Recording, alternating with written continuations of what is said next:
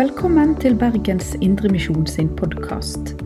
For mer informasjon om oss, besøk oss på betlehem.no, eller finn oss på Facebook og Instagram der som Bergens Indremisjon.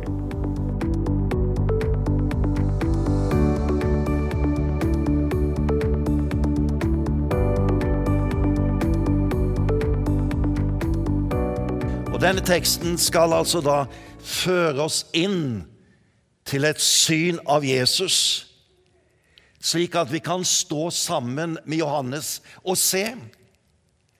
Og det skal samtidig utfordre oss, slik at også vi blir et vitne om hvem Jesus er, hva han betyr for oss og for alle andre. Den teksten vi leste sammen, som begynner med 'den et, dagen etter', forteller oss at det var en dag før. Og hele dette tekstavsnittet i slutten av første kapittel i Johannes evangelium, det er nesten bygd opp som en liten dagbokfortelling med fire dagboknotater. Og vi er i den andre dagen, men den dagen forut for denne dagen skjedde det noe.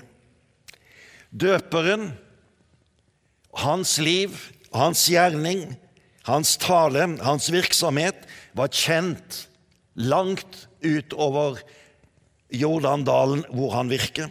Det strømmet til folk fra alle steder, og folket spurte seg selv hvem er han? Og vi hører at lederskapet oppe i Jerusalem stilte seg det samme spørsmål og sendte både prester og levitter ned for å spørre hvem er du? Og den samtalen som fant sted mellom disse utsendingene fra Jerusalem og døperen selv, den leser vi i versene forut for vår tekst.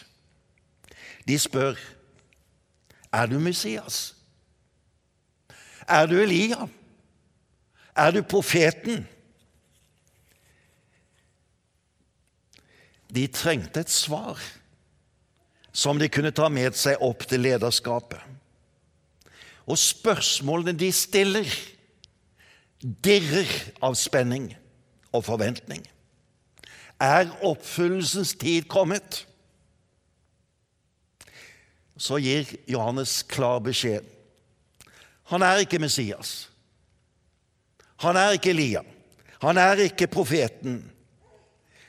Så føyer han til, men midt iblant dere står det en dere ikke kjenner. Han kommer etter meg.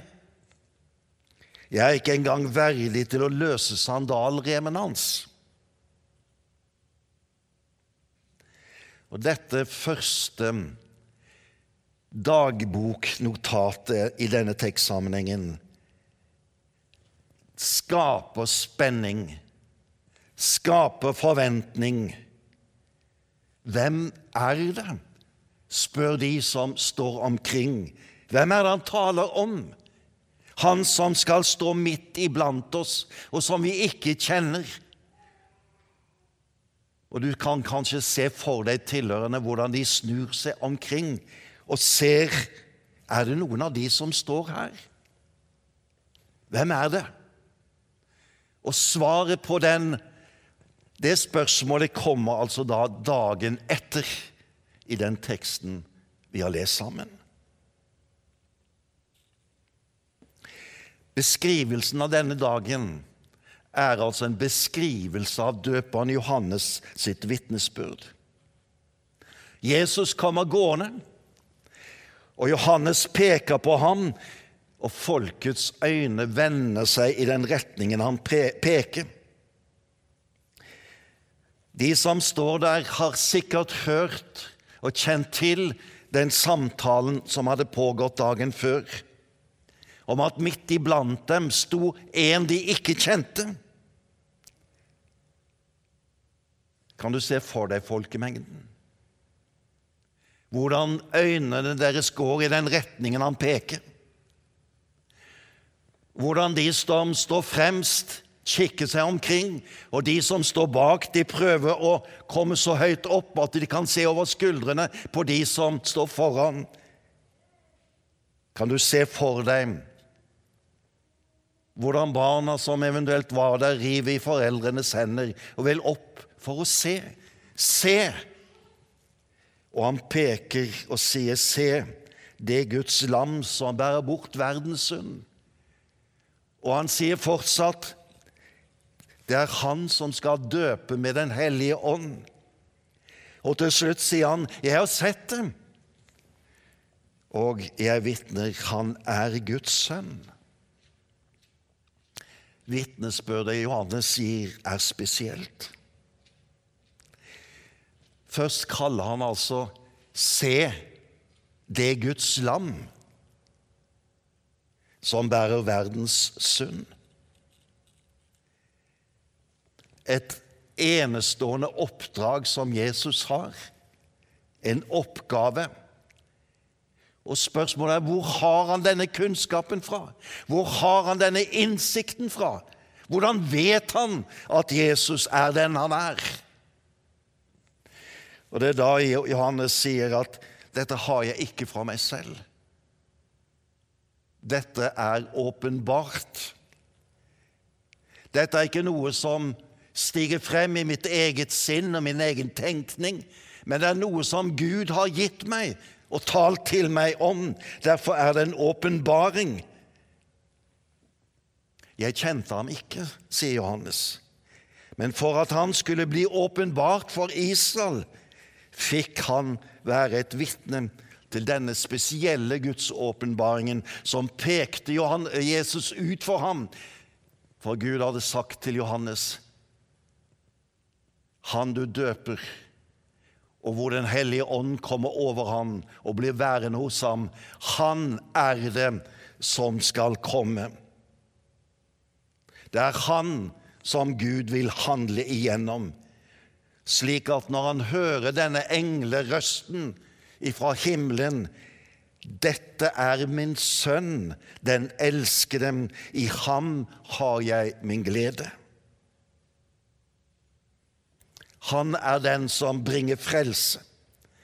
Han er den som skal døpe med Den hellige ånd og skape den nyskapen som Den hellige ånd kan bringe med seg.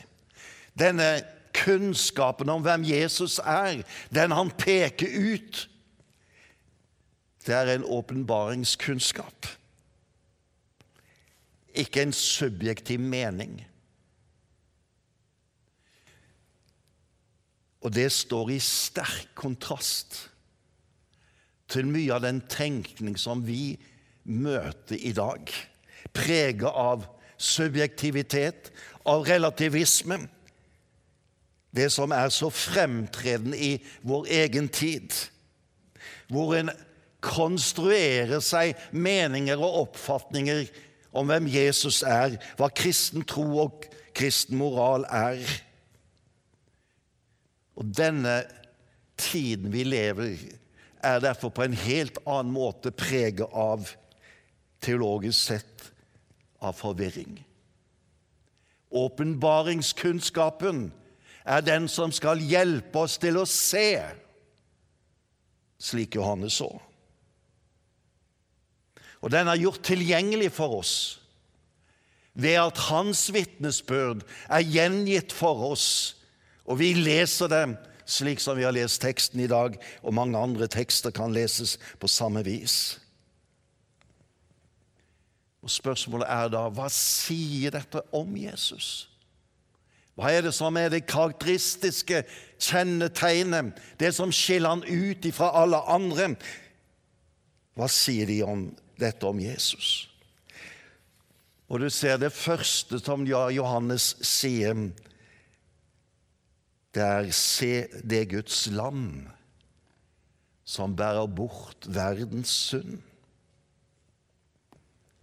Denne koblingen mellom lam, synd, dom og frelse var folket vel kjent med. Og En rekke steder i Det gamle testamentet kunne de finne denne sammenhengen, men fremfor alt når de feirer påske. Påsken så minte de om hva som skjedde i Egypt da de ble utfridd ifra fangenskapet og trelldommen i Egypt. Da fikk de beskjed om at de skulle slakte et lam, og blodet av lammet skulle de stryke på dørstolpene. Og når Gud holdt dom i Egypt og sendte sin dødsengel ut, så gikk han forbi hvert eneste hus som var strøket med blodet av et lam. Hvert år skulle de feire påsken til minne om denne frelsesbegivenhet, hvor lammets blod redder de fra dommen og ga dem frelse og utfrielse. Og hver dag var det også gitt forskrifter om at det skulle slaktes to land ved tempelet. Ett om morgenen og ett om kvelden som et brennoffer. Og dette var også et uttrykk for et offer til soning for syndene. Så sammenhengen mellom land, blod og frelse var kjent for alle tilhørende. Så når Johannes peker og sier 'Se det Guds land', så var sammenhengen mellom land og frelse kjent. Men det som er det enestående, det er at han peker ikke på et land, men han peker på en person. Det er Jesus som stiger frem som nettopp dette lammet som skal bære bort verdens synd. Og denne koblingen mellom lam, blod og stedfortredende soning og frelse.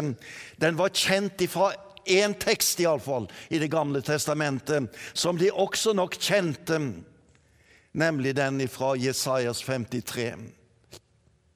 Og Jeg tror jeg må lese noen av versene derifra, for det er som om det skulle være et vitne som sto der og så hva som skjedde i Israel den gangen da Jesus levde og døde. Fra vers 4 i Jesajas 53 leser vi noen vers. Sannelig, våre sykdommer tok han. Våre smerter bar han.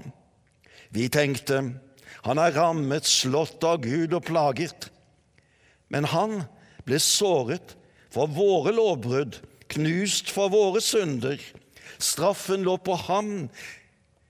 Vi fikk fred ved hans sår har vi helbredet. Vi gikk oss alle vill som sauer. Hver tok sin egen vei. Men skylden som vi alle hadde, lot Herren redde, ramme ham. Han ble mishandlet, han ble plaget, og han åpnet ikke munnen lik et lam som føres bort for å slaktes, slik, lik en sau som tier når han klippes, og han åpnet ikke munnen. Etter fengsel og dom ble han tatt bort.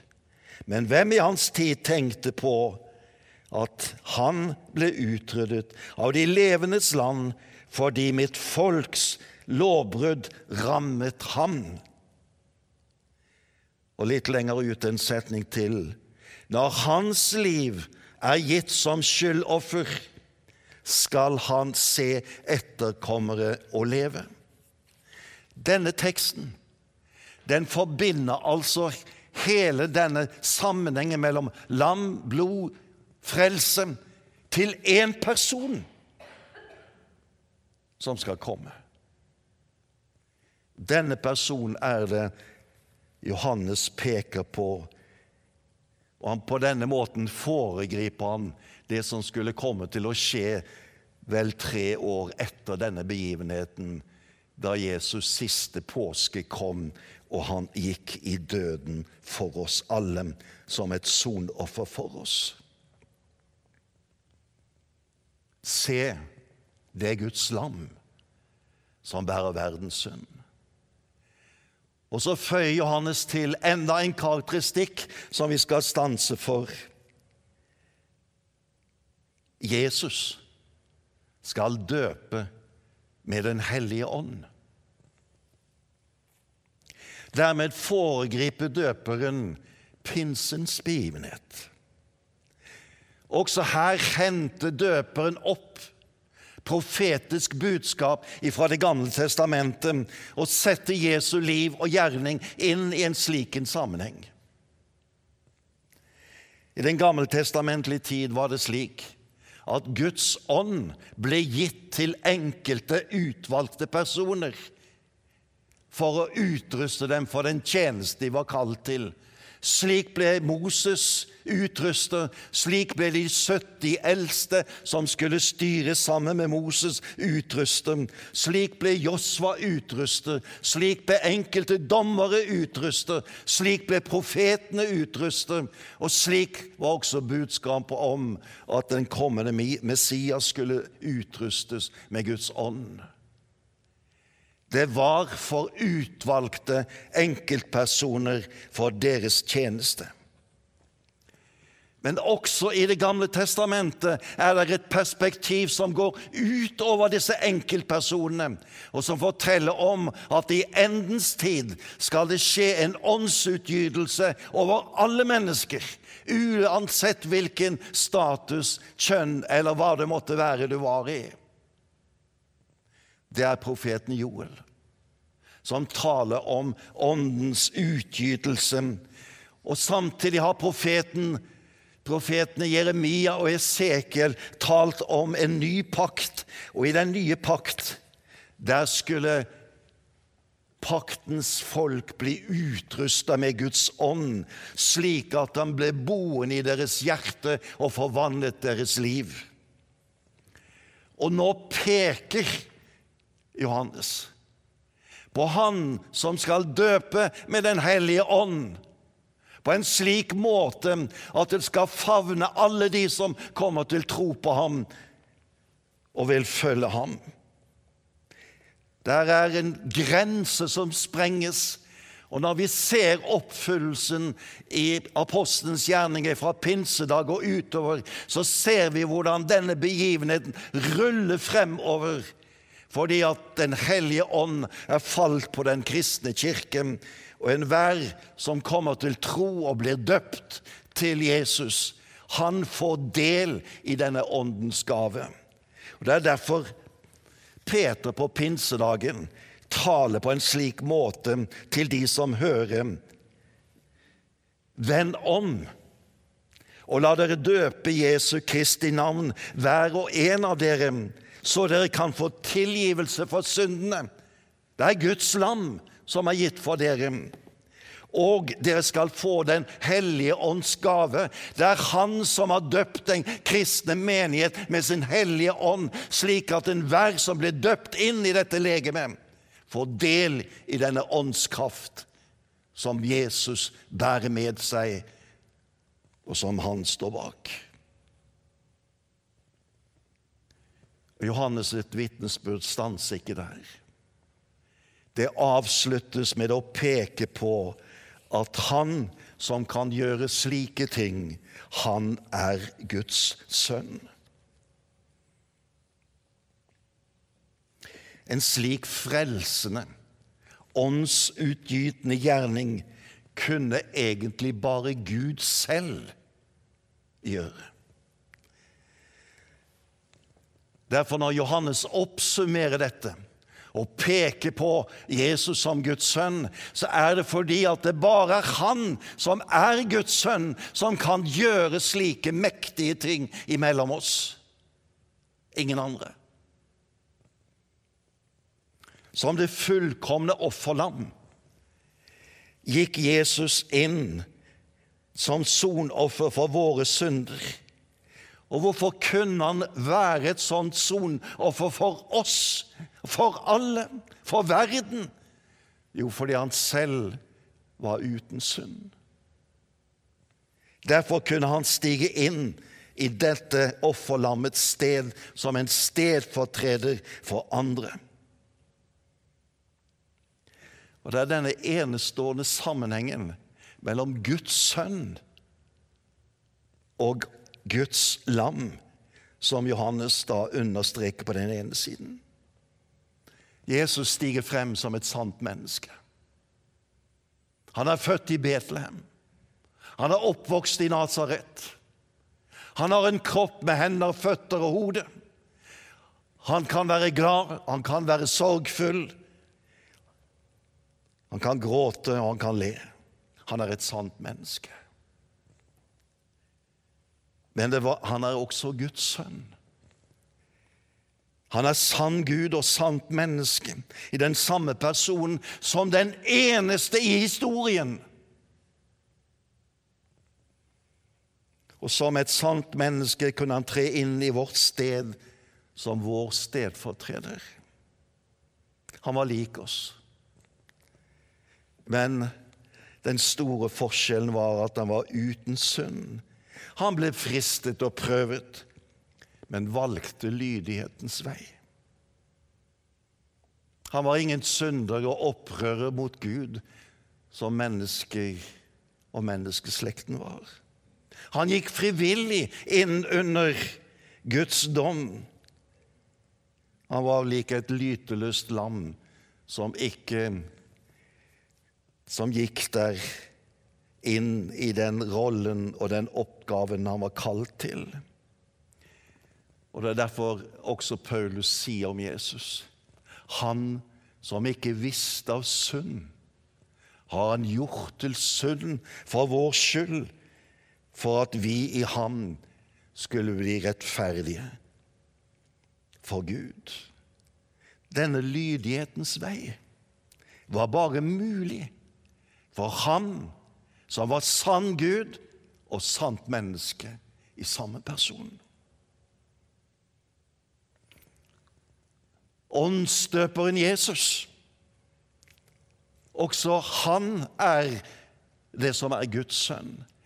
For det er bare Gud selv som kan handle på en slik måte at Guds ånd faller over den kristne menighet og blir tildelt hver enkelt som kommer til tro og blir døpt til ham. Det er en Guds gjerning. Ikke en menneskelig gjerning, men en Guds gjerning. Derfor kan bare Han som er Guds sønn, handle på en slik måte. Han er enestående. Johannes peker på Jesus. Se. Og Hans invitasjon er en invitasjon til å se dypere enn det det blotte øyet kan se. Og Johannes inviterte de som var der, til å se, ikke som en tilskuer ikke som en som sitter på en tribune og betrakter. Men han inviterer inn til et eksistensielt møte med Jesus. For når han er så enestående, så kommer du ikke forbi at møtet med ham setter spor og endrer liv. Slik er det. I møte med ham skapes det tro bekjennelse og etterfølgelse. Den fortellingen som fortsetter i Johannes evangeliet kapittel 1, har to påfølgende dagboknotater. Dagen etter og enda dagen deretter. Og de to påfølgende dagene forteller om hvordan mennesker så Jesus hvem han var, slik døperen bevitnet dem, kom til tro på ham og ble Jesu disipler. Slik ble Johannes og Andreas dagen deretter møtt av Jesus. De kom til tro på ham. Og Andreas går til sin bror Peter og forteller hva de har opplevd og sett og Peter bringes til Jesus, og han kommer til tro. Dagen deretter møter Jesus Philip med et budskap om hvem han er. Og Philip ser dem komme til tro, følger etter Jesus, går til sin venn Nathanael og forteller 'Kom og se, vi har sett Messias'. Det er Jesus.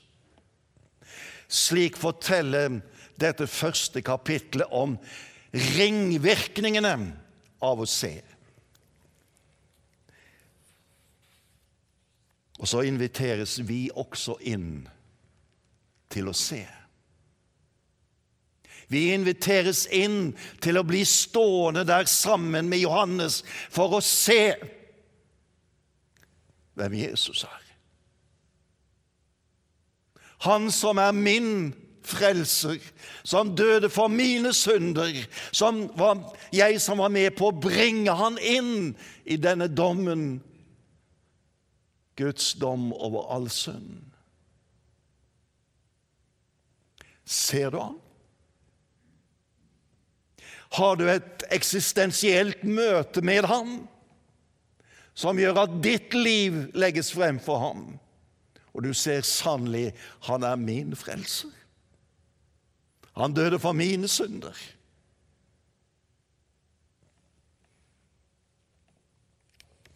Ser du han som inviterer deg inn til et nytt liv i Åndens gjerning, slik at du får del i de åndskrefter som Den hellige ånd bærer med seg inn i menneskers liv, til en omforming og en likedanning med Kristus.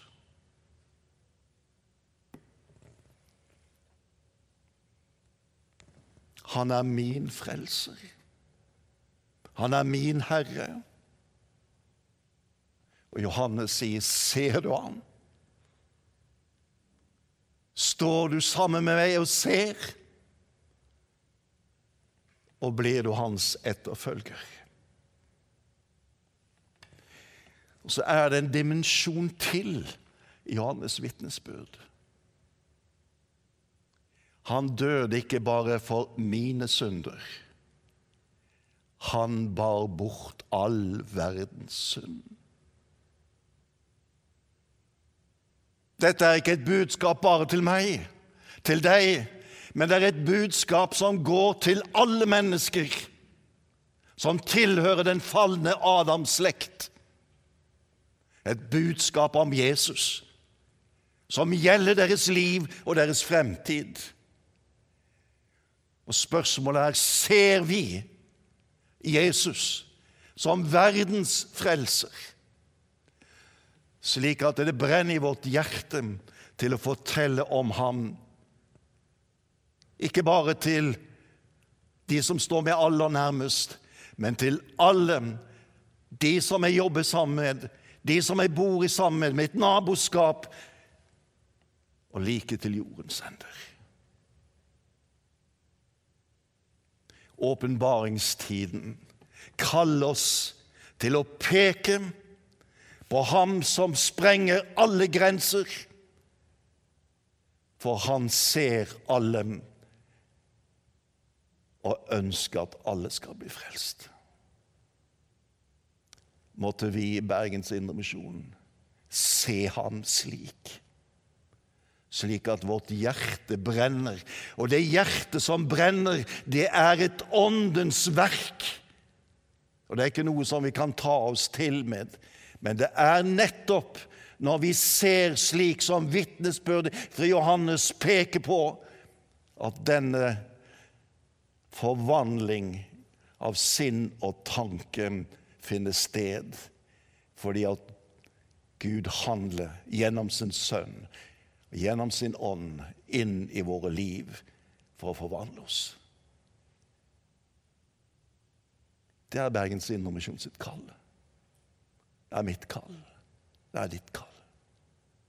Men for at du skal bære dette vitnesbyrdet videre utover, må du selv ha sett Han som din frelser. Som den som kan utruste deg og ditt liv slik at det blir former og likedanner med Kristus. Da bruker han deg i sin tjeneste. Ære være Faderen, Sønnen og Den hellige ånd, som var, er og blir en sann Gud til evig tid. Amen. Du har lytta til Bergens Indremisjon sin podkast. For mer informasjon om oss, besøk oss på betlehem.no, eller finn oss på Facebook og Instagram der som Bergens Indremisjon.